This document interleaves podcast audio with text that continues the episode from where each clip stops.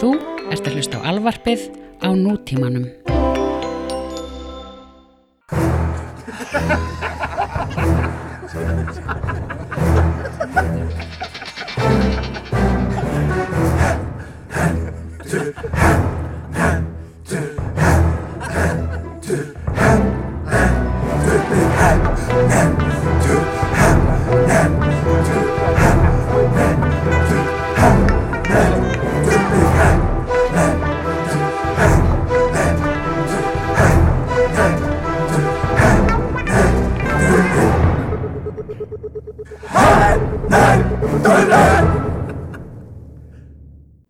Hvað gerður Galvas? Herru, hvað gerður Galvas? Þú komst síðan til mín. Ég var hérna, nei ég fór í mat til eh, reyndar sýstu minnar en þar var Já. fjölskyldan Mm. Sýst, báða sýstu minnar og fórstu minnir og allir að borða ógeðslega góða mat Já. og uh, horfa á skaupi saman Eh, Ég var bara hérna með uh, uh, tveimur vin, góðum vinkonum að borða kjúkling Já, hátíðarmatur og svo... eða eins og við köllum það í bransunum litla kalkunin Eh, Já, sko, hér er máli. Kjúklingur er miklu betur en kalkún. Já, kalkunin er ekkert sérstaklega, hann er svolítið What the vaskindur fuck? Kalkún er einn bara hérna... Hátíðarmatur Það er ofmetinn fugl. Hann er bara með meira kjöt á sér eða eitthvað en það er ekki, það er ekki safaríkara bragðbetra heldur en kjúklingur. Nei, svolítið bara að dauðvar af eitthvað sko Já, nokkulega. Það liggur allt í fyllingunni og ég held reyndar að þú myndir djúbstekja kalkunin og Já. sér örgulega eitthvað aðeins meira svona ég veit, KFC ekki, og- ég veit ekki hversu mikið viðbjargandi þessu kalkunakjöti er uh, vegna þess að ég hef fengið mér sko kalkuna hot wings Já, og það er ekki eftir gott og kjúklinga hot wings ok ég hef fengið mér svona í ég, hef- vegna þess að það er svona gimmick oft sem að maður hefur séð á sögum stöðum að svona í útlöndum og eitthvað að selja sko, sko ekstra, stó, að, sko, gamla ekstra stór kjúklingalegur nema er rauninu kalkunulegur nema matur til þessu kjúklingalegur það er alltaf verra Þetta er sko, hérna, uh, já, hafðu síman lengar frá. Ég síðast að þetta var ógslag mikið á svona, svona ramasljóðum og dóti. það var þess að þú varst alltaf að fá skilabóð Nei, þú varst alltaf að fá skilabóð. ah, okay. Uh, þannig að við slum halda þessum símum lengar frá. í vasa En hérna, nei, þetta er hérna, þetta fylgir þessu að vera alveg upp á sjónvarp og teiknum þessu. Já, Að maður heldur að þetta sé ógslag mikill hátíðamatur. Ég fór einhvern tíman í kalkunavislu, þar sem ég var farin að hlakka rosalega mikið til að smakka kalkun Já. alveg svona. alveg svona hátíðarútgáðum, stöft og, og læti. Þetta var bara rosalega vonbrið. mér finnst kalkút góður þegar hann er álegg Þegar hann er álegg á samlóku Það Mér finnst þetta sneiðar að fá sér kalkun er svolítið svona eins og að fá sér hérna Twinkies. Já, Það bara lítur miklu gyrnilegra út einhvern veginn. það lítur betur út í bíómyndum Já, Það eru maturinn sem er maturitur þarna alltaf í endan með ástryggi Það er gyrnilegasti matur sem til er já. Það er náttúrulega alveg löðrandi í einhverju feiti og... Það er svakalega Rauðglóðandi. svakalega krækningar þarna alltaf og einhverju svona kjötbúðingar og heilsteift dýr af öllum tegundum þetta var Fjast þú þér einhvern tíma svona fondu út af hérna Ástriki í, Sví í Svís hérna? Sko, eina ástæðanum er langar í fond og nokkuð tímar er ennþá bara út af ástryks aðtriðum sko. S- sérstaklega sko, sko þessum osta hérna, róm, rómverja orgjum Já. Svona þetta allir útklýstirar í Ástriki. ég hef samt ekki ennþá fengið mér ostafondu ég hef bara fengið mér svona þú veist það sem þú kve- setur kjöti í sjóðandi feiti Já. Mér finnst það ekki... Já, ég hef smakkað svona ástafondu. það er mjög fínt sko Ástafanduð er ekki það, það, það stendur ekki undir hérna, jöfna, ástryggi Nei, en þa- það er brauð út í ostu eða hvað eitthvað svolítið já, já. já, náttúrulega glútenið sko við erum hefnendur við erum hefnendur og já, við erum í svona 4. janúar hræftir áramót Jóngnar átti afmæli í gær fyrir að það kærasti mín afmæli á morgun. Jón Knárátt er reyndir ammali jöfna, Já, hann var am, annan. hérna, vörutalningadagurinn Já, akkurat. Hann hefur, hann hefur sami brandar um það hvernig að það er erfitt að kaupa þannig afmæliskef. Það er ekki lengur rétt vegna þess að vörutalningadagar er ekki jafn heilægir og þau voru. Þannig að sábrandar er dauður, Jón. Ha? Don't quit your day job. Oh, you just did. en jöfna, já Erum við að spyrja hvað er að gerast, Jöfnvel? Erum við svona ógeðslega dauðir? það er, bara, gamlás. það er bara svolítið átök að fara í frí ég Já. hef tekið eftir því Ég veit að mér, mér, mér finnst svo gott í fríi nema að ég er aldrei almennileg fríi vegna þess að ég á alltaf að gera eitthvað. maður þarf alltaf frí eftir frí Hvað er að gerast? Ég er með tvo svona orðkveitti til að byrja með allavega. mm. Uh, fyrsti orðkveitturinn lítur að Star Wars. Hvað er orð kvittur? Orðkveittur. Ja. Rúmur. Já, orðrómur, ok Jæna, sko, jæna, e, það var að gera svona standalone hann solo mynd, solo hann solo. Já, já, solo, solo Það er, það er pælingin, sko. og solo mio Ég veit, sko, ég veit ekki alveg hvernig það gengur upp í continuity. Já, ég meina myndi að vera prequel myndi að, ég meina það ætti ekki að vera gamli solo Nei, Hann solo var ekkert sérstaklega gamall í, í, mjög, Star Wars fjögur, það er sko. sá, sá yngsti í rauninni Harrison Ford sem við þekkjum er hann solo Já. fyrir utan, þú veist, Harrison Ford í hérna, American American, Graffiti. Graffiti. já, og síðan sem þjóttn í einhverju mynd sem ég mann eitthvað heitir mér myndi finnast það mjög off að fá eitthvað bara nýjan leikara, sko. Jú, er ekki vegna þess að það væri off að fá nýjan leikara í Indiana Jones Jó, en uh, hann er hlutur ekki svolítið. Hann er, þetta er ekki eins og James Bond, einhvern veginn. nei, það er sko málega ég vissum að þegar de- fyrsta Roger Moore myndin kom með James Bond hafa margir sagt, þetta er ekki James Bond og síðan sko liðu árin og, og, og núna þekkjum við ekki James Bond öðruvísi heldur en ákveður svona bara svona Já, kynslu og kaflaskipt dæmi alveg svo með doktorinn eða bara Spider-Man, það er svona mm. nýlegasta dæmið. Já, ég meina, þú veist, hann stimplaði sig ekki beint inn, hann, hann Tóbi Maguire stimplaði sig ekki inn sem eini Pétur Parkerinn. Mm. en hann sólu og svolítið það er bara erfiðara. svolítið langt liðið síðan en við sáum hann sólu að að það að sjá einhvern annan í hlutverkinu það er bara svona, byrju, en hann sólu lítur út þessu Harrison Ford á uh, 2020 aldrei.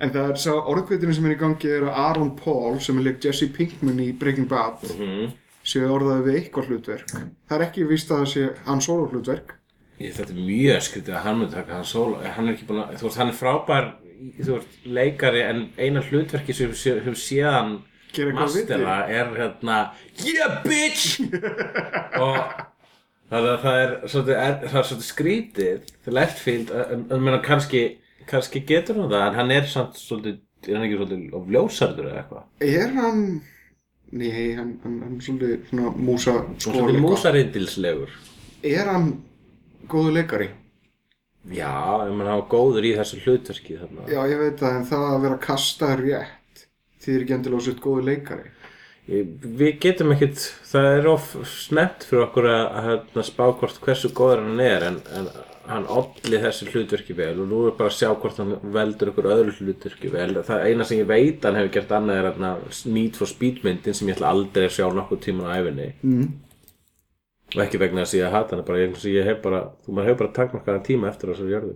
já en sko ég meina eins og til þess Brian Cramston við vitum hann er góðu leikari Mm. vegna sem hann hefur leikið gaman hlutverk frábærlega og hann hefur leikið dramatisk hlutverk Já, frábærlega það er, það er lengur ekki vafa því.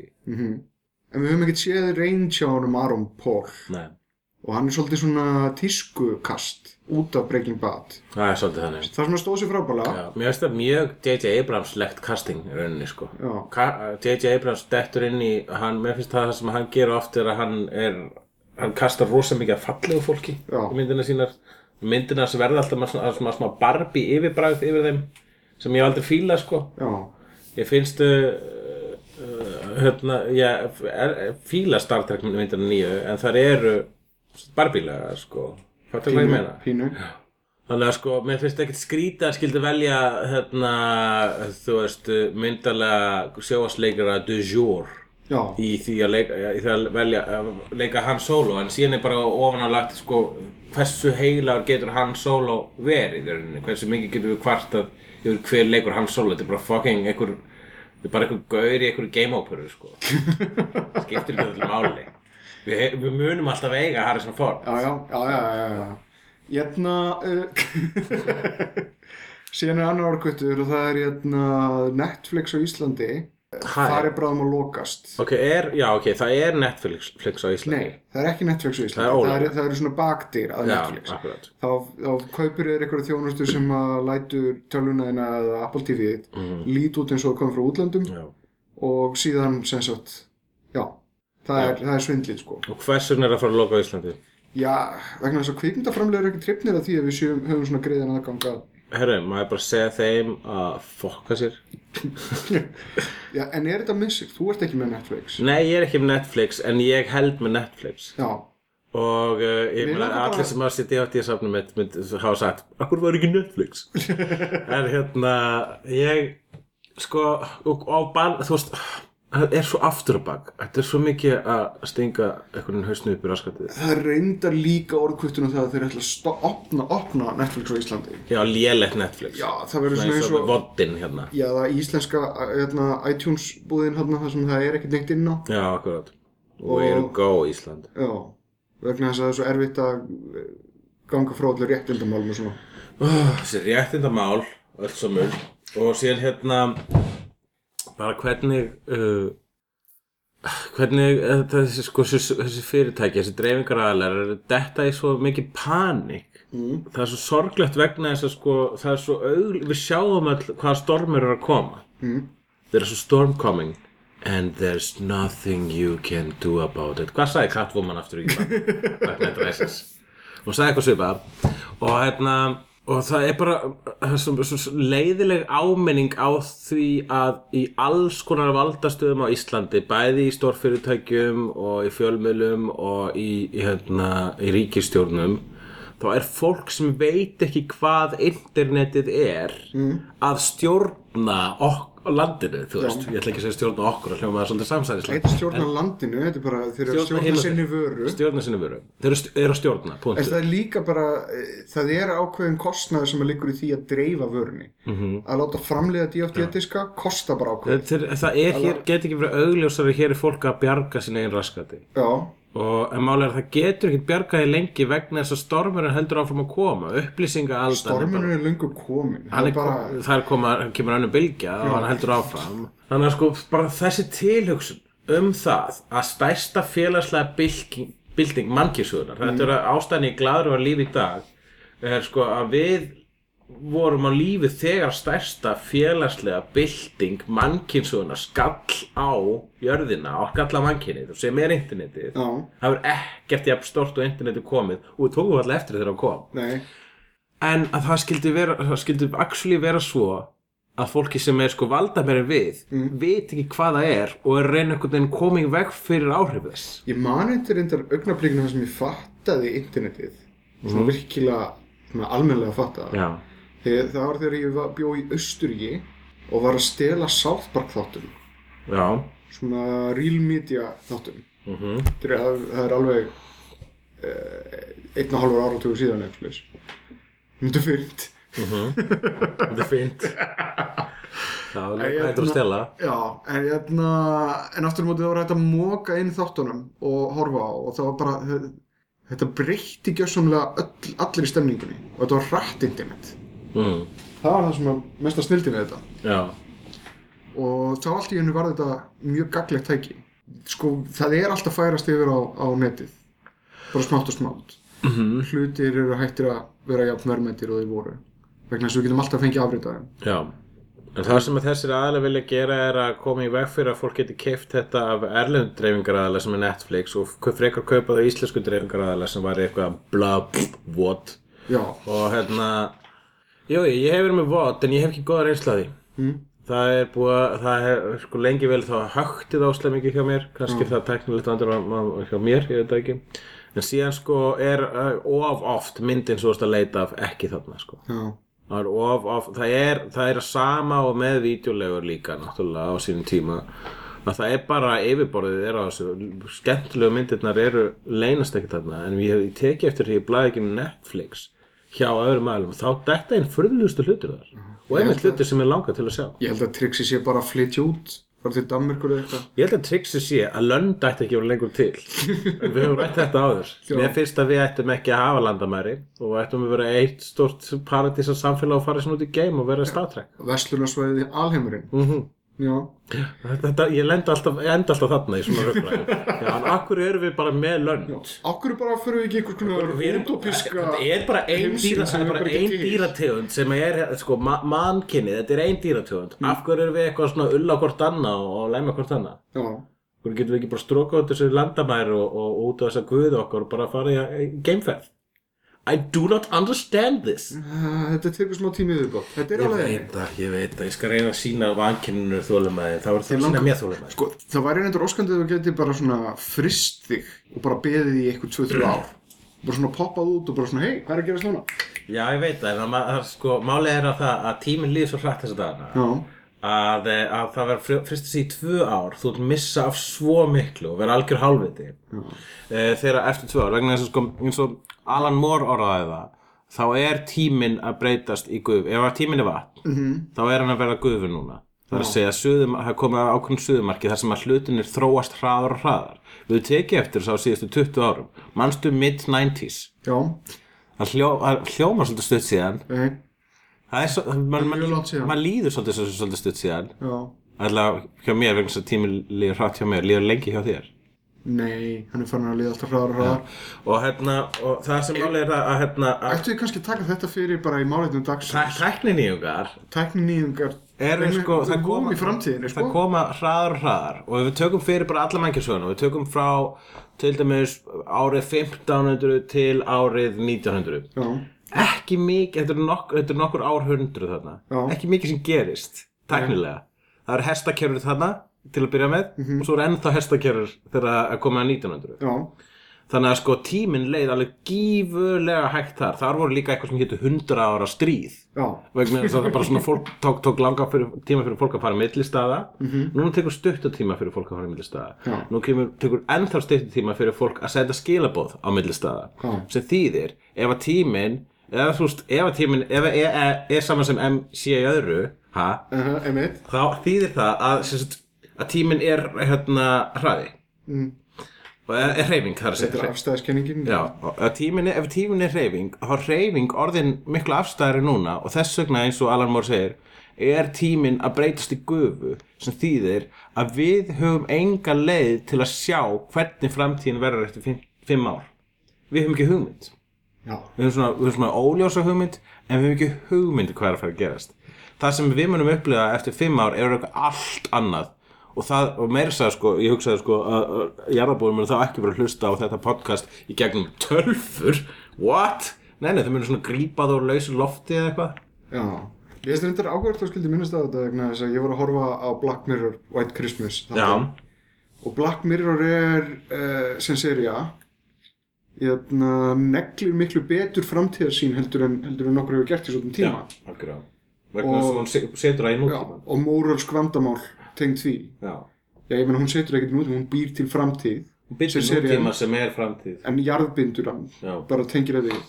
En já, já ef við ekki bara taka þetta fyrir í málefni dagsins. já? gera það setna, ég verður búin að tala um þetta Það er búin að tala um það Það er Eh, fleira hérna, það er Já. hérna uh, Stallone uh, var að klára að skrifa handritið af Creed sem að er hérna held ég um að, Kristilega hljósið nei, sem að söngvari núna er heimilisleis ég held að fjallum son Apollo hérna, Apollo Creed sem að er, er það karakter úr Rocky já já Já, og hérna, Hmm. já vei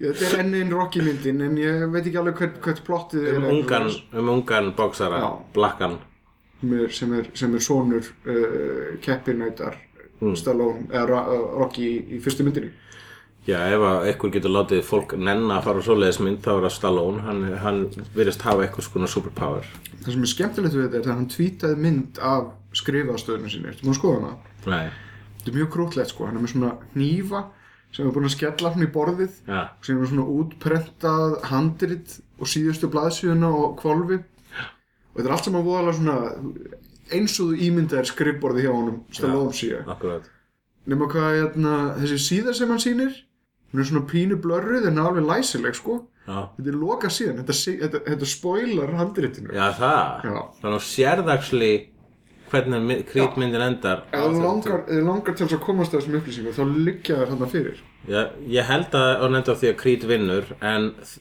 þekkjandi Stallone þá lætur hann stundum góða kallinn tapa Já. Allavega einu sinni En já, hann, hann svona pínu, pínu skeita sig þannig. Hann Já, ætla líka að gera aðra rambómyndandi. nú, Mhm.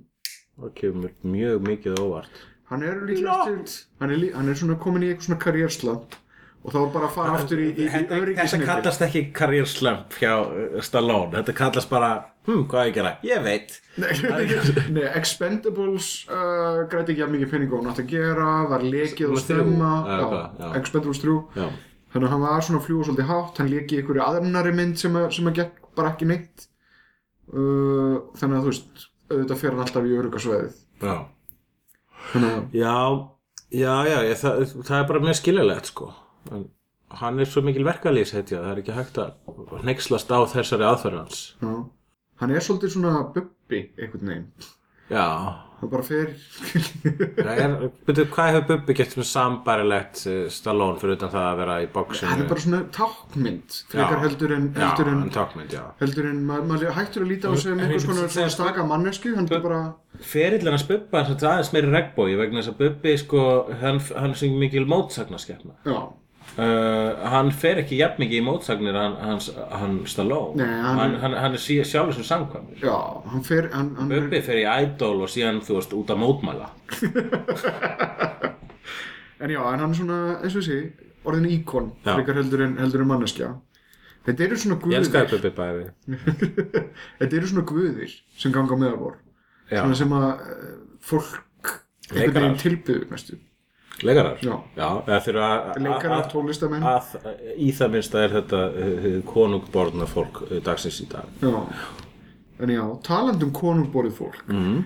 John Hurt já, uh, sá miklu meistari já, snildarleikarin, hann var uh, hérna hann var séraður Mhm. uh, á gamlás já ég er hins að hann hafi ekki verið séraðar fyrr já, hann var gerður að rittara mm. breska heimsveldisins þannig að þið er alltaf að sé núna þannig að hérna, þegar drottningin uh, er að hérna, tegna fólk að hún setur sverðið á öxlinu neður og segir sér svo setur hún á hinn hin öxlinu og segir like þetta bratar er verðugur áramótaskapsins en já, en þessi miklu meistari fær loksins uh, já, ekki loksins, hann fær bara Já, ég, Ágætur meina, liður. þetta er bara eitt stærsti leikari Breitlands og ég hissa að hann hafi ekki fengið þetta fyrr. uh, ég meina, hann, hvað hefur hann gert? Drekin í Merlin Hann er dreginn í Merlin, hvað hva Merlin í þáttunum? Þáttunum. Já, ok. Hann er dreginn í Merlin, hann er, hann, hann er röddin sem heyrist alltaf í byrjun já, hann er, hann er The Storyteller líka í þáttunum The Storyteller. alltaf svag fyrir storytellerin Uh, hann er náttúrulega maður sem að lendi fyrst í, í Chestbuster. já, Kane Hann er stríðsdoktorinn í Doctor Who Mhm.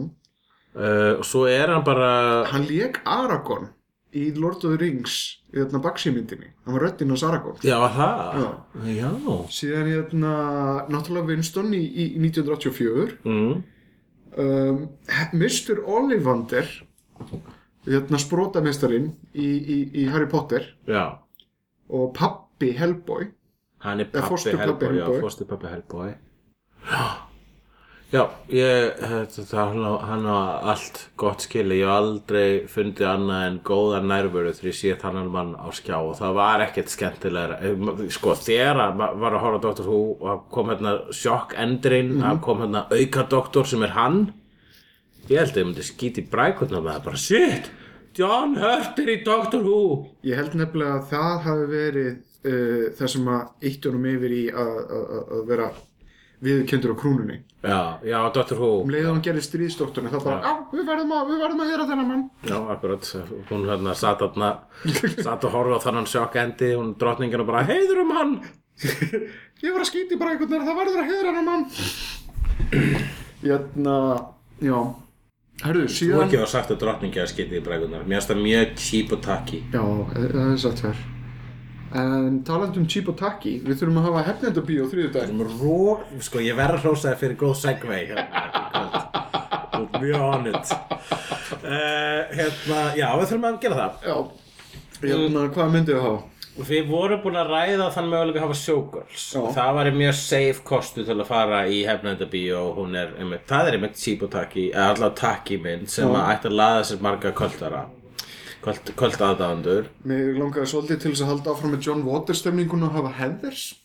Heather sér æðisleg, já, Mhm. en þ- John Waters stemning á því leiti að John Waters hefur ekkert þá ekki mynd að eh, gera. Der, hvað, hvað heitir hann?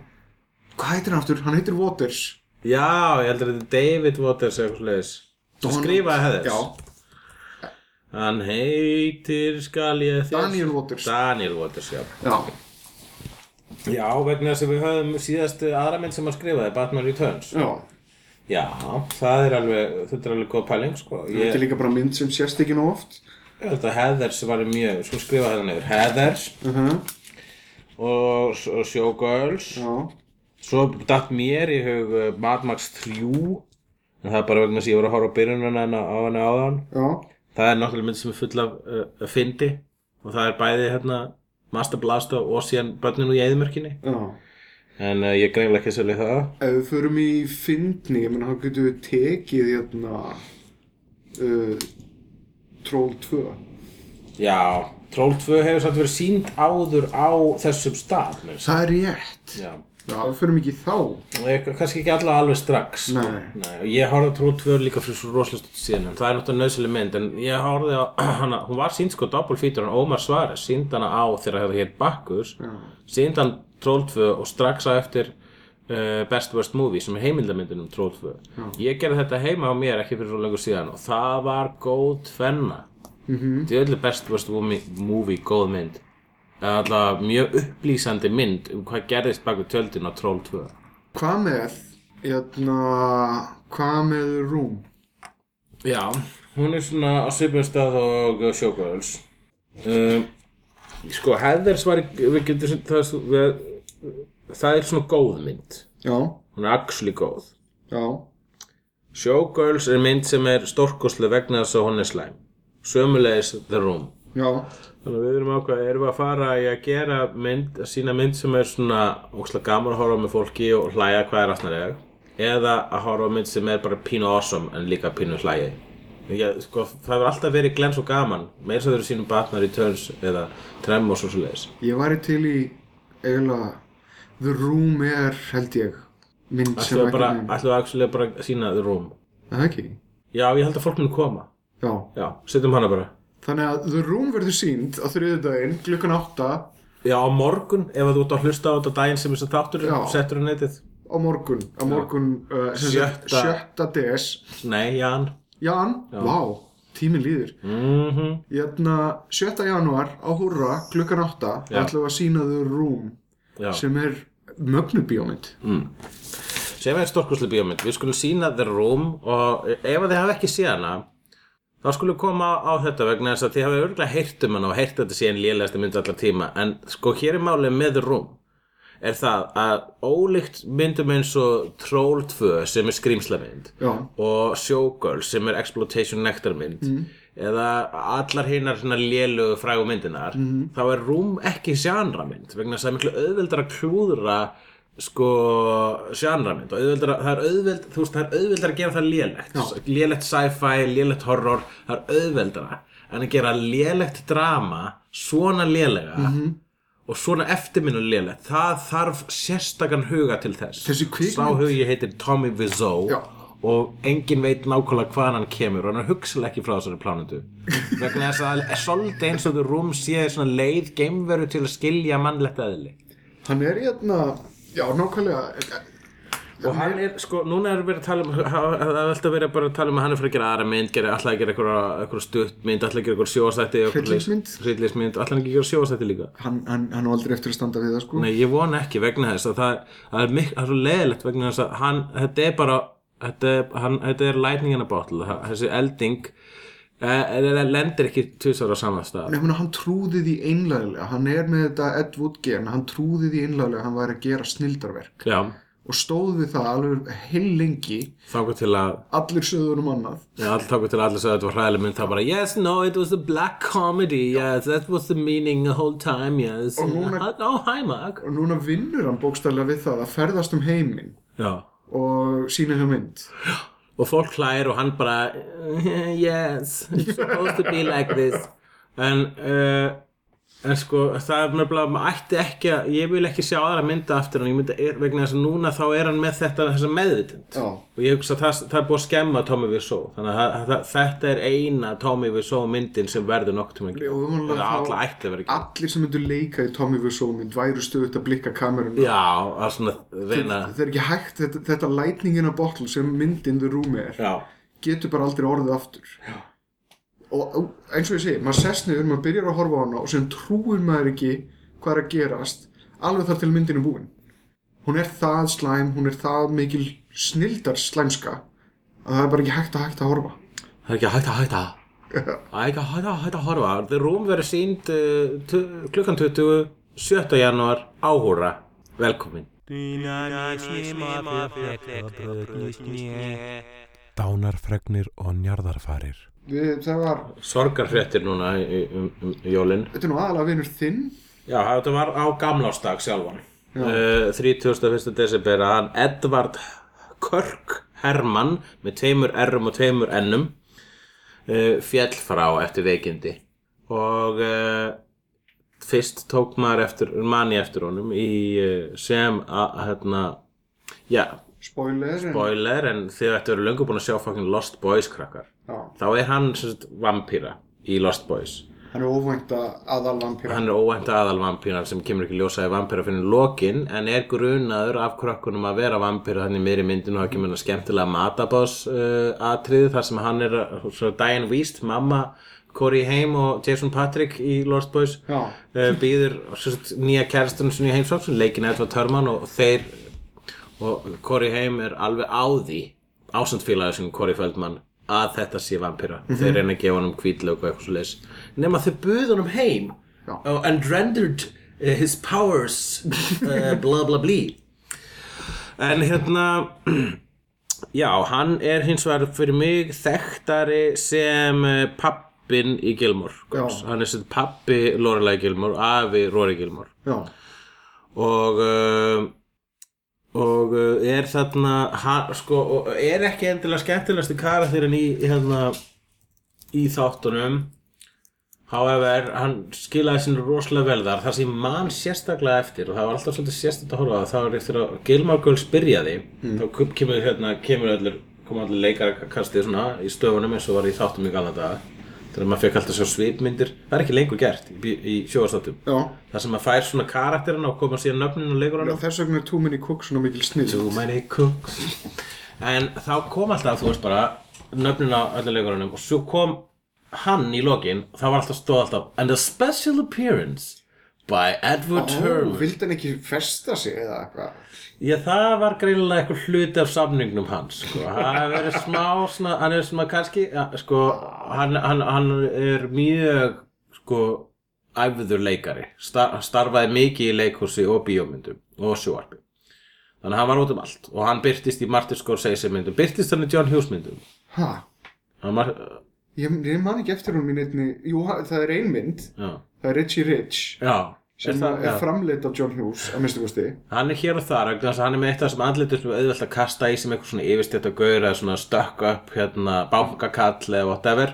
Já, Og hann, hann- hann, hann, hann er með svo góðlegt andlit samt Já, hann er með þetta góðlega andlit. Þess vegna virkaði hann svona vel í Lost Boys vegna þess að þú trúðir því alltaf að hann væri vegna þess að það hefur ykkur sakleis yfir hún Ef einhver maður lítur ekki út eins og vampýra, þá er þetta þannig. En hann var hins vegar sko The Patriarch í Gilmore æ- ættinni, hann var sá sem að rak Lorelai 16 ára uh, út af heimilu sínu fyrir að eignast bann Já, ásöndu móðurinni sem að e, e, e, karatinu, sem að er skemmtilegasti karatinu í Gilmore Girls, það er sko amman Já. í, í Gilmore Girls. ok, ég skal fara að horfa á Gilmore Girls en hérna en það sem var skemmtilegt við þetta, þessum karaktera hann, uh, Richard Gilmore og Emily Gilmore var það að maður fekk innlit inn í hérna, þessa aristokrasíu bandaríkjana Ok. sem er óslega skrítin vegna þess að hún lítur út á yfirborðinu svo bresk aristokrasía Mm.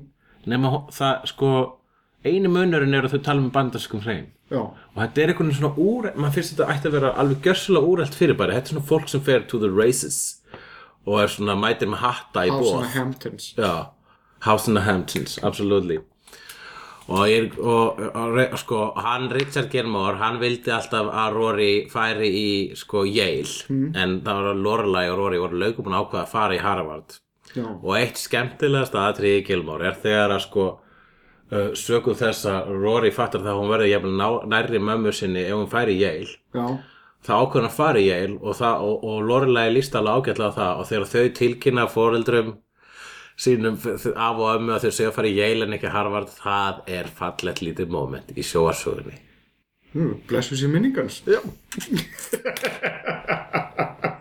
Á hvað ert að glápa? Hörðu, á hvað ertu að glápa?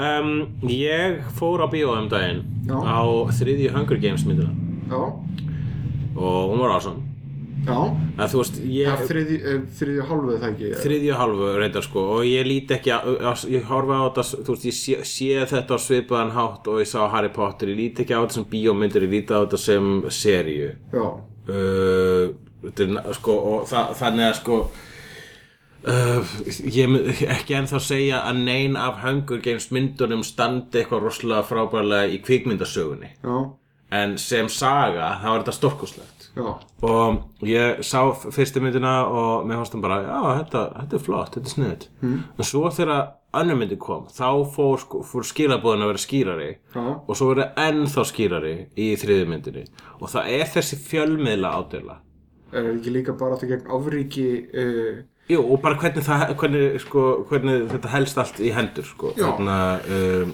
í rauninni á, uh, halda okkur upptöknum með skemmtiefni já, svo við tökum ekki eftir því hvað er verið að nýðast á okkur já og að þetta, valda stjættunum Og hér er verið að nota sci-fi til þess að búa til heim, þa- það er búið búið til dæmisögu um hvernig við, hvernig samband okkar við uh, raunni, í þessu tilvíki raunveruleika sjóvarp er, eða allavega skemmtun, the opiate of the masses, sem er úr hverju, hvað, 1984 eða eitthvað? Nei, Marx ah, whatever og hérna og það sko það er þetta með það að nota, að láta uh, fátaka fólki berjast í, í, í, í hérna, berjast við, við hvort annað Mm.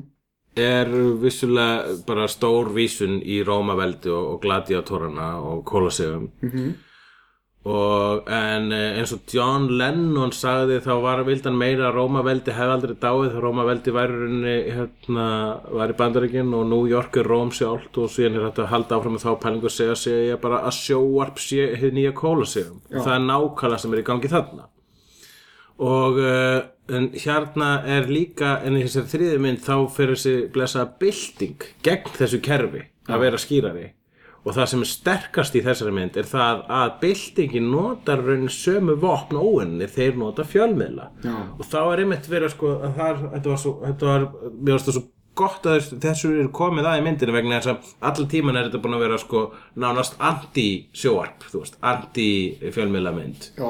og anti-yfirvaldi náttúrulega eins og allar Hollywood myndir eru, ironically enough en hérna um, Ég, ég meina þegar að við fáum þessa tilfinningu að við séum að berjast gegn uh, auðvaldinu og, og, og yfirvaldinu já, með því að við bara upplifum það í gegnum það já, akkurat Þetta er svona eins og við höfum upplifað ást og, og, og, og, og alls konar svona samúð með öðru fólki með því að sjá það í bíó Já. þá er búið að fylla, uppfylla þessa þörf mannslíka með þessi bara ok, ég, ég, nú þegar búin að gera það okkur ekki Við gera erum, fucking, við erum fucking fátæklingarnir í distrikt 1 til 12 sko, vegna þess að við erum að horfa á þetta og bara já, höldum með Katniss en föttum ekki, við erum ekki í rastat annað heldur en að horfa og borga fyrir það þannig að, að, að það, það, er, það, er, það er svo sem hægt að pæli því en það sem gerist í þriðmyndinni er að, hérna, að hún verður hluti af byltingunni, hún verður hluti af anspyrnarhefingunni og anspyrnarhefingin fer að búa til sitt eigi raunveruleika sjórp til þess að auðlýsa hana Já, sem að mér fannst vera eh, ekkit endilega að segja að sko að byltingin getur börnin sín þó að sé að vera að segja það eitthvað leiti en það hefur líka verið að segja það að miðillin, sín sjónrætni miðill Já. Mhm. þó svo að það sé að vera misnótan stanslaust í að dáleiða okkur og afvegaleiða okkur og taka aðteklina frá hennum kalda og ógislega sannleika Mhm. þá getum við samt nota saman miðil til að vekja aðtekli á þessu kalda og ógislega sannleika sko. já, já og það er það sem að þetta er verið að segja það er sem- sem verið sem myndir sagt að segja að tala um the democratization eða sem sagt, já Já, þetta er democratization of the media Já, og Þannig hér- að þú veist að núna þegar við erum með YouTube og Twitter og annars líkt þá getum við tekið völdin mm. eða það er engin annar að ráða hvaða kontenti við horfum á Jú, það við bara hlýtur getum búið til okkar eigin nákvæmlega og hann- einn dag mun koma að því að eitthvað mun gera eitthvað almennlegt en hérna Uh, þetta er það samt að, sa að að gera þetta, ég finnst að sko, þessar Hunger Games myndir vera að gera axlu þó að það sé rosalega ólík frásögn Nei, mér finnst að vera að gera rosalega mikið það svipað og Charlie Brooker er búin að vera að gera í gegnum Black Mirror og öllu sem hann hefur gert vegna þess að allt sem kemur frá Charlie Brooker er fjallar um sjóvarp Já. eða social media sem að, og sjóvarp og social media er bara smátt smátt að verða það sama ef það er ekki þegar orðið það sama ok, og það sem að erum eitt bæði í öllum Black Mirror þáttunum og, í- og, og, og, og bara svo við minnum staða Dead Set Zombie þáttunum hans og síðan öllum Screenvibe þáttunum hans en í Black Mirror þáttunum hans já, þá er það svona svipar sci-fi dæmisögur sem líkjast nútímanum okkar þar sem að er verið að tala um það hvernig e, social media og sjóapp er notað gegn okkur og hvernig við notum það gegn hver, hver öðru og hvernig við notum það fyrir okkur og allt svoleiðis bara svona, ver, það verður stanslust að adressa e, samlögun mannkins Já. og e, hins sjónræna miðils já sem áttur að gerast meira af Já, þegar þeir fara að og græða ef að þetta eitt- drast í okkur Nákvæmlega, og það sem er sko sko Hunger Games þar uh, á líka vissulega skilið að það er sko hróskilið fyrir að vera actually af stærsta þú veist, þú sérð ekki jafn stóra mynd með jafn mikið af uh, almennlum kvenkins karakterum og Hunger Games já, það, ég- vissulega eru kvenkins karakterar og góðir að brjótast út hér og þar en Hunger Games uh, er sko, ber höfuð og herðar yfir og eh, þeir eru alltaf dutt í lukkupotti með það að ráða J-Law sko Já, já, algjörlega En það sem að uh, ég held að ég sé að reyna að segja er það að ég held að sé eitthvað skonar svona hæg bylting í gangi hvað þetta varðar í kvikmyndum og Hunger Games uh, er í, í fóristu hvað það varðar já, en, uh, en hvað var það þetta sem ég var að segja með uh, a- a- að adressa hérna, samband okkar við social media og sjóar þá finnst mér Charlie Brooker verið með algjörlega, hann er langmest með puttana púlsinum sko. algjörlega. algjörlega, en Hunger Games er hluti af þessari sömu byltingu já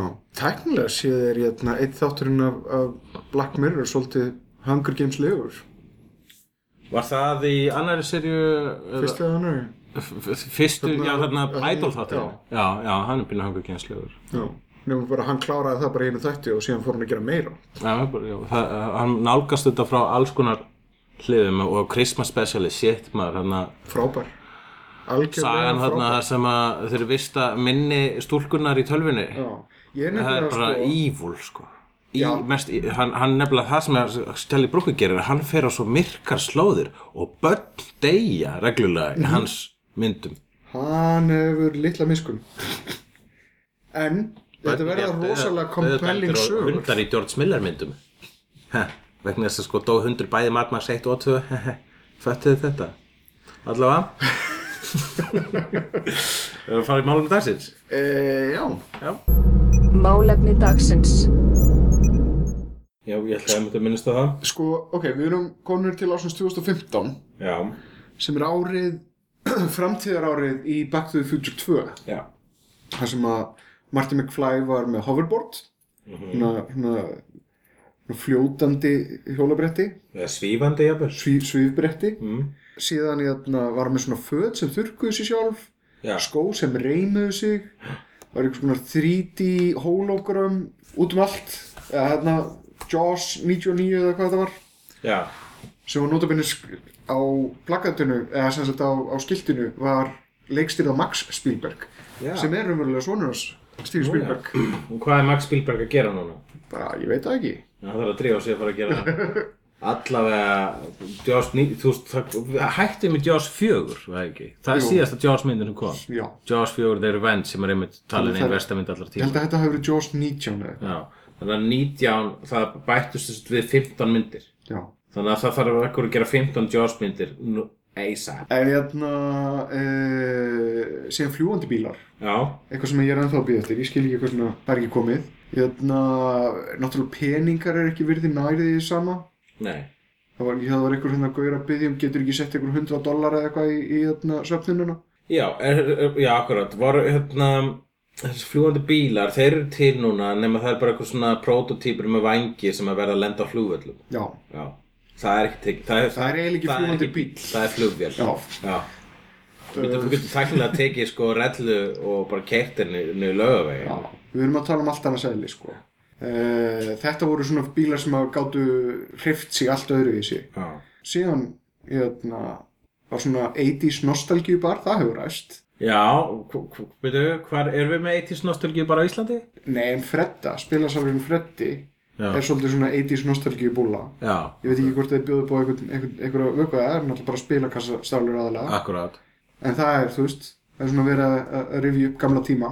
Já, það eru komnir, allavega, mér skilst að Nike hafi framleitt þess að sjálfreimandi skó bara, sko, með Battlefield fyrir þessu fyrirmynd. Já, en voru þið sjálfreymandi? Eh, Þetta er allavega, þeir, þú ferði í þá og þeir þjappast utan það, ekki beint reimandi, það er svona einhver svona rafmags rennilás þarna. En hérna, uppáldi mitt var endur alltaf hydrated pizza. Já, Mér, mér langaði einmitt í svona, svona hydrated op, þar sem þú setur pítsun inn eða hvaða va- mat sem er já, og ítir og takka og síðan eftir smá augnablík þá, þá kemur bara maturinn tilbúinn. já Rjúkandi. það er ekki komið. Það er, það er ekki komið. En það er komið örbylgjupítsur. Já, það er samt ekki eins. Nei, en... Það var líka komið En þá. heldur þú að þessar pítsur séu góðar sem eru þarna í myndinni? Það eru örgulega eins og örbylgi pítsur. Já, örgulega. Eitt sem ég mann eftir er það tískan. Já, Þá var uh, hann gamli, hérna, Marty McFly var með svona tvö bindi og það var já, margir með tvö það var bindi. ógeðslega flott. En það- Eh, Mér finnst það svolítið fríki, ég var með tvö bindi. Já, ég held svo ómikið. Ég held vegna þess að sko í rauninni er bindi fallist tá. Mm. Þessum, Þannig kall, Hmm? bara þessum kall minn double phallic. Já, það er með- það er með tvö bindi, það er svona tvö tippi og það er bara fríki. Já. Ég held sko að tvö tippi gerir engum greiða. Ég held að sé Það var Ég held actually- að vera ekki tvöfald betur rúminu eða eitthvað leðis. Það var hérna bara viðtal sem við erum að lesa nýlega um gauðin með tvö tippi. Og hann bara, það er awesome. Hann var ekkert að kvarta það. Nei, ok. Ég veit að hann hefur ekkert kannski samanburðin. Hann hefur ekki samanbyrður, hann veit í hvernig það er að sofa hjá með einu tippi. Já. Þannig að þú veist, ef að hann, sko, málið er, ef hann er með tvö tippi, þá þýðir það að hann getur eiginlega bara alltaf farið í svona, að þú veist, þá, þá hlýtur hann ofta að fara þrísom, eða alltaf, þú veist, ég ég gerir ráð fyrir að þú ert með, sko, þú ert með eitthvað svona afbreyðilegt skrítið, hérna, kynferðislega, Já. þá færðu það ofta að sofa vegna þess að fleira, fleiri fríkvæmt úti sem vilja prófa. Já, en, Alveg svo ég las um mannin sem að fekk sér kvenmannsbrjóst og sem, sem hluta veðmáli Já. og var, að var með kvenmannsbrjóst í eitt ár og svo þegar ári leið þá bara, nei, ég ætla ekki að hætta, ég hef aldrei fengið að mikið að sofa hjá. en heldur að það sé nógu mikið, hérna, nógu mikið space á milli tippana til þess að- að taka eitthvað þrísum? Ég sko sjáði fyrir mér akkur þannig að þau svona er svona móti hver öðru þannig að pungurinn á efra tippinu snúi að þér Já. þannig að sko að það munu tvær stelpur sittast ofan á þig og þær munu sittast á móti hver aðra þá getur það að fara að sleika á meðan það ríða bátippinu þínum en sko eða, Ok. Ég, ég sé það þannig fyrir mögnublikir og það er auðvitað til nokkur aðra leiðir. Það verður erfið að gera þau eru hlýður okkur öðru vegna þess að það voru þær alltaf að reyka hnýjan hný, hvort annað, stelpunar. Sko. Já. En þá eru, hérna, en ef að sámaður sem að er alltaf að sofa hjá tveimur stelpunum sefur síðan hjá einni stelpu með öðru tippinu sínu, er hann þá ekki bara hálf sofa hjá vegna þess að hitt tippið hans er ekki að fá neitt. Ég veit það ekki. Já, allavega, ég bjóst ekki við myndum fara þessa leið þegar við byrjum að tala um tvö bindi ég, ég sett okkur þannig að farveg þannig að ég tek alla ábyrð uh, Veðrið í Já. hérna, Almennileg viðspá. almennlega veðurspá Já. það er ekki búin að gerast Það er ekki, það er ekki gerast. þá, er, þá getur þú spáð hvenar, ne, málið er að veðrið var ekki var það ekki stýrt af yfirvöldum var ekki rigning bara vegna þess að það var búið að ákveða þetta var rigning Ég, ég nefnilega náði því ekki. ég náði nefnilega aldrei, það sæði nefnilega weather service Já. En, eh, en nei, sagðan til að því sem ég er að lesa hérna á netinu, þá er þetta við spá. Þannig Já. að þeir spáðu þessu upp á sekundu. En hérna, síðan, síðan, hvað var fleira? Það var, það var hérna allir með skjá heima og tala saman. Það hefur ræst. Mhm. Það hefur ræst. Við erum nema komið það- FaceTime. Við erum komin lengra en það, sko. vegna þess að Það sem að var í svo saman Back to the Future var takmarkaður. vegna þess að Við vorum ennþá með skjái á Já, Mhm. veggjum. og síðan senduðu þið fax. Já, og sendu fax. Mm -hmm. Dull, það skrýðið. Já, Það, það var þarna, það, þið gerði ekki ráð fyrir bent internet. nei, og rafpóstur var bara eitthvað alien Nei, það, hugtakar. það, það var ekki lengur, það var ekki inn í, í hérna, þess að ég segi, þetta internet bara lættist upp á okkur og enginn tók eftir að gerast. Þetta er eitthvað svona hvað, 25 ára gömur mynd? cirka? Manstu þegar myndin The Net kom með Söndra Bullock Mhm. sem fjallaði um hvað internet er hættulegt? Já, Já. það var orðslega þetta. en hérna, já, 2015. Finnst þér eins og þetta verið komin konar meiri tækniframfarir?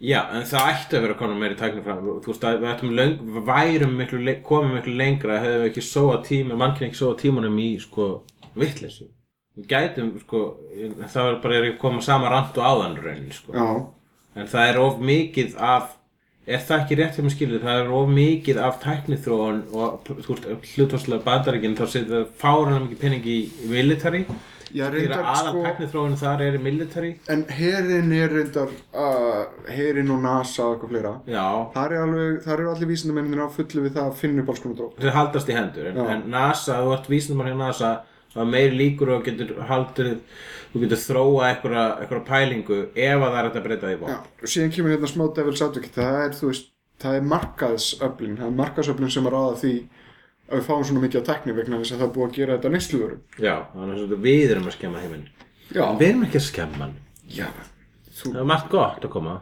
já, það er margt gott En hvað er að góða sem er að gerast núna, þú veist, í tækniþróun? Já, það er alls konar. Það er búið að finna upp alls konar útlimi og dót, Já, svona rafræna, mm, fíl útlimi sem að hérna, eru mjög cool. Já, Ég- En hérna, nei, ég veit það ekki, ég meina það er aðalega kannski einmitt það sem við erum að tala um aðan, það er, það er fjölmiðlar eða- eða eða miðlar.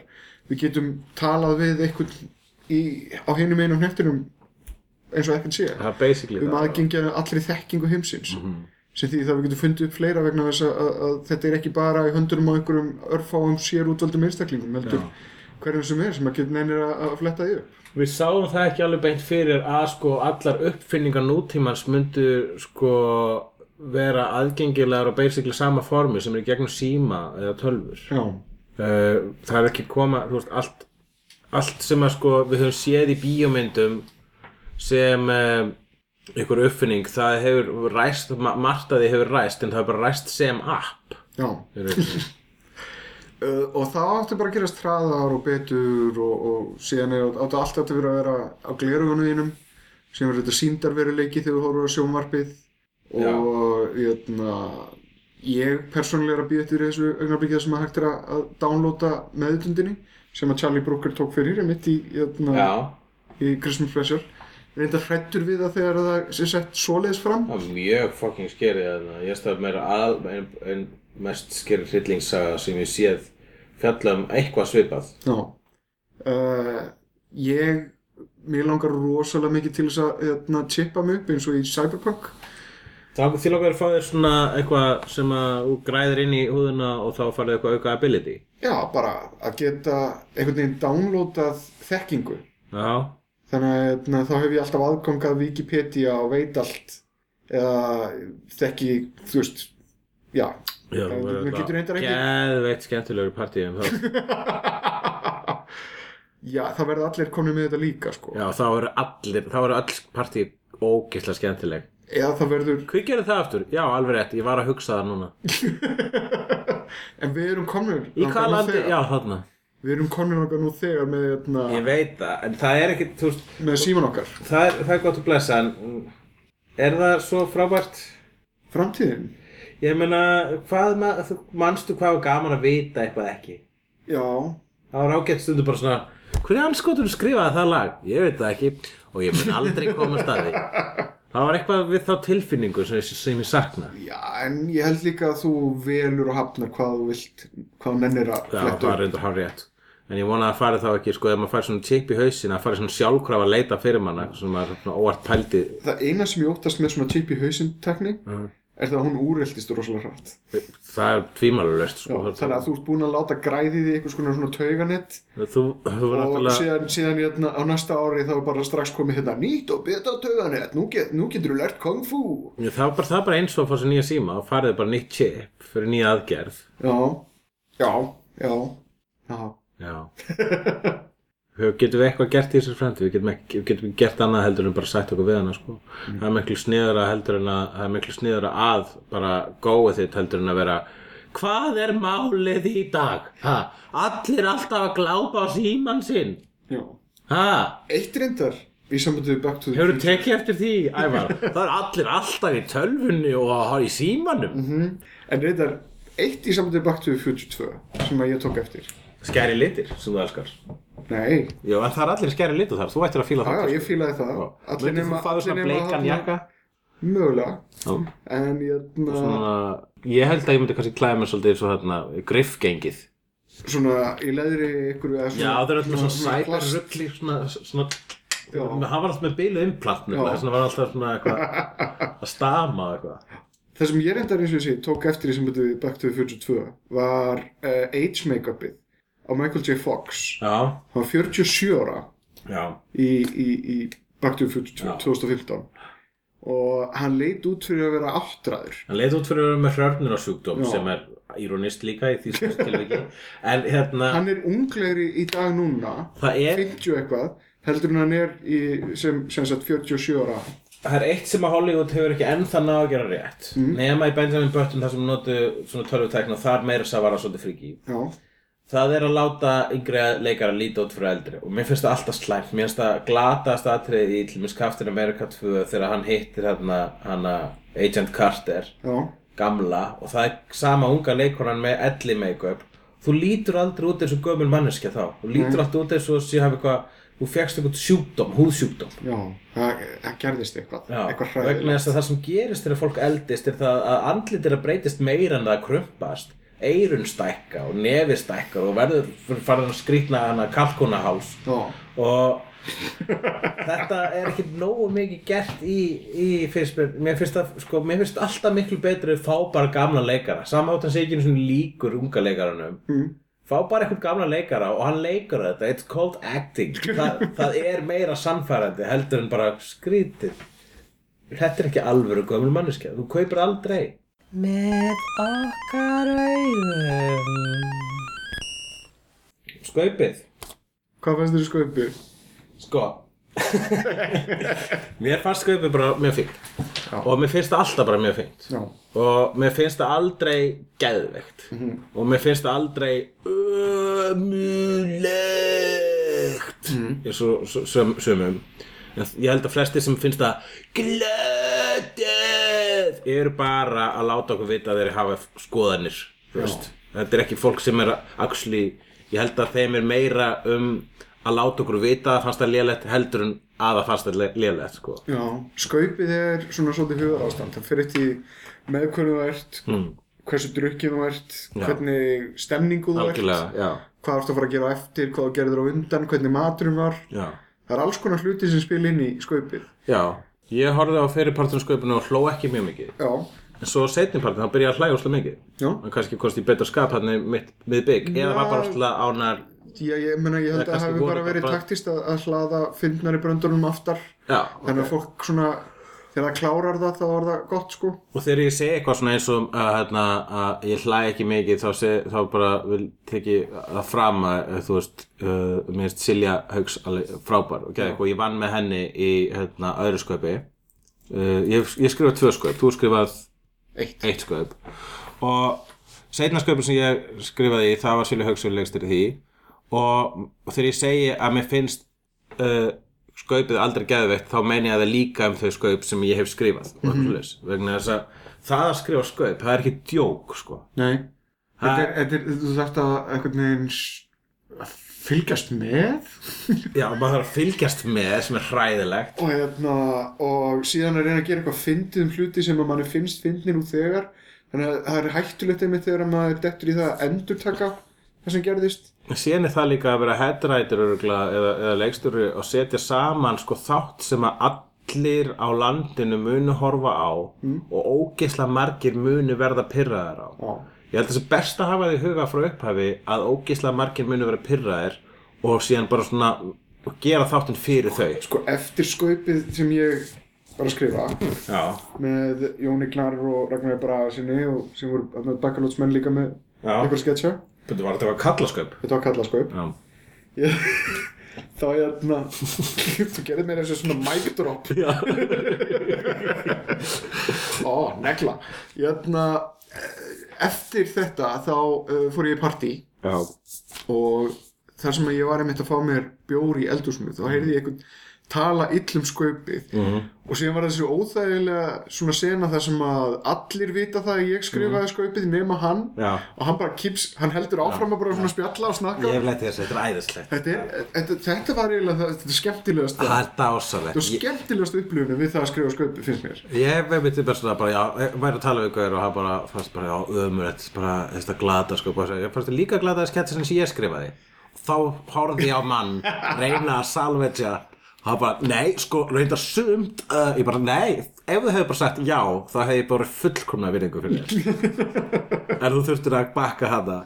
En það, sko, já, þetta, er, einmitt, þetta er sko, þú veist, þú dettur í einan gýr eftir frumsýningu sköpinu að þú ferð að lesa eitthvað samfélagsmiða, Mhm. Twitter eða eins og var þegar ég skrifaði sköpi 2007, minni mig þá hérna var ég á Barnalandi já. að Það kíkja er á besti staðan til að hvað þeim skikja finnst um skoðanir, já, þetta. algjörlega fara þangað til að og, hérna, sjá skoðanir. já, og, uh, og flett upp hérna hvort það var eitthvað blogg búin Já, að byrtast um já það. ég, sa- ég var ekki á Facebook eh, þú veist, Facebook var ekki einu sinni orðin neitt það mikið þing 2008 þegar ég skrifaði setnasköpna en ég sá bara, fór bara um þetta blogg Já. og sá að að Anna Kristjánsdóttir he- að henni fannst þetta bara allt í læg Mhm. -hmm. og ég bara, flott Anna já, samala, Þetta er enda svona anstæðan einmitt við það þegar maður jötna, skrifa kannski einhverju önnur verk Mm. sem að na, þau er ekki, þau er, það er ekki þessi eftirvænting og það er ekki þessi tilæklunarsemi sem felst í því að, hjá fólki sem að sest niður og horfir á þetta þetta sé það besta sem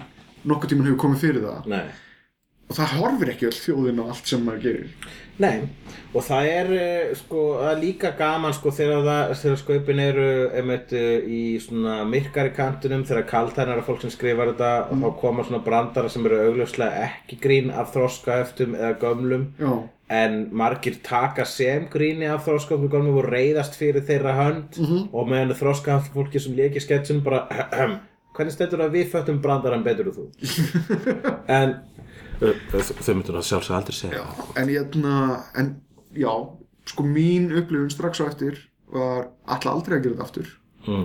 sem hefur reyndar ég Nú, hef það? ekki, ég hef ekki þurft að Það er þetta slæmar einslu það? Já, ég bara, þetta var svona, þetta tók á Já. þetta var bara erfitt, sko Mm -hmm. uh, en hérna að samaskapi ég meina, þetta var, ég, ég, næturvaktin var nýbúin að vera í sýningum og astróbíu, þannig að ég var on a high og síðan kemur þetta einhvern veginn svona strax á eftir Mhm. Já. Og f- f- varstu sem var við mikið að neika, neikværi gagn? Já. það, var, það var bara svona, þetta gekk ekki inn í ákveðna kynslu Ég man að Anna Svava eftir að hún skrifaði sköps, var með í allavega að skrifa sköp held í síðast eða þar síðast. Þá slýsaðast hún til að fara inn á Barnaland og bara, og varð þunglind í einhverju, og var allavega mjög leið eftir að sé sko, og það sem leiðilega var það að, að einhver hlutu vegna var í öllum blöðunum var alltaf hú mynd af henni, þannig að hún var svolítið eins og frontið með Mhm. andlit, sköpunni. andlit sköpsins Já, hún var allir sköpsins. Þannig að það allir sem að hugsa ekki lengra en nefð þeirra ná voru alveg bara, já, þessi annað svafa. Ég er fyrir Barnaland. Ég geti gert meira svona imaginative eftirhæmi af fólki sem fyrir Barnaland. En, hérna, og það máli er að það er ekki hægt að þóknast öllum og þess vegna á maður bara að í rauninni að gera þvert á móti þannig að ef ég myndi eitthvað að fara aftur í sköpið og þá held ég, sko, máli er að reyndar hefur, þegar ég hef farið í sköpið þá er alltaf ókist, svona glötuðustu brandarunum mínir út af borðinu og, eða bestu brandarunum mínir Já. og hérna en það er vegna þess að hvers vegna gera málamiðlun ef allir munu hvort þið er hatt þetta mm. bara fokk liði sem fattar þetta ekki það er það sem það er ástæðan og, hérna, og ég finnst skaupi og eftir, að ég, sko, eftir 2006 þegar ég vann fyrst í mínu skaupi þarna með Reyni Lingdal Já. þá hef ég bara fattað það að ég ætla alltaf að elska skaupið Já. sama hvernig það er, sama hvort mér finnst það finnst það ekki ég er bara ógislega gladur að það er verið að gera þetta ég er ógislega gladur að eitthvað sér reyður að þessu leiti er skaupaðin að selja núna í ár algjörst success vegna þess að rétta fólkið er að grenja Já. þó það talar um pólitíska slagsíðu og ég veit ekki hvað og hvað og rúf, náttúrulega rúf alltaf að leggja sjálfstæðisflokkinu og frásárflokkinu í einelti já, já, já, já, okkur átt vegna þess að þeir flokkar leggja enga í einelti og hérna, og sko og hérna, og s- og svo er ein skemmtileg saga sem ég heyrði af partíi einmitt eftir, eftir held ég síðasta skaup eða þar síðasta skaup Já. það heyrði ég að partí það svo voru svona tappar, það voru svona bankamenn og sjálfstæðismenn og svona sem voru orðin no, búin að fá nóg af því hvað var alltaf verið að ráða vinstri sinnaða eða svona ekki vinstri sinnaða allavega, en allavega grínista sem hugsuðu hans meira til vinstri en hægri til þess að skrifa skaup og bara hvernig væri að fá allavega einn þúst hægri mann til að skrifa skaup einn hægri fyndingur og svarið við þessari spurningu er ok, nefndu einn nefndu fucking einn hægri gaur sem er fyndin bara í alveg, nefndu bara einn uh, Ógnar fjör má alltaf sjá Í reykja vík Á landinu um loftin blá Líka á sænum Snættur og háski Látur og gáski Hefnendur Í reykja vík Hefnendur Í ævintýrum lendar þessar Hefnendur Hefnendur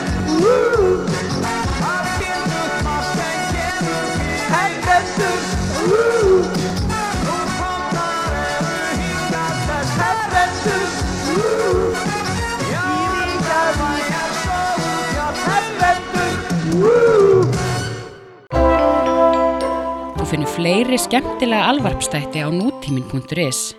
Takk fyrir að hlusta.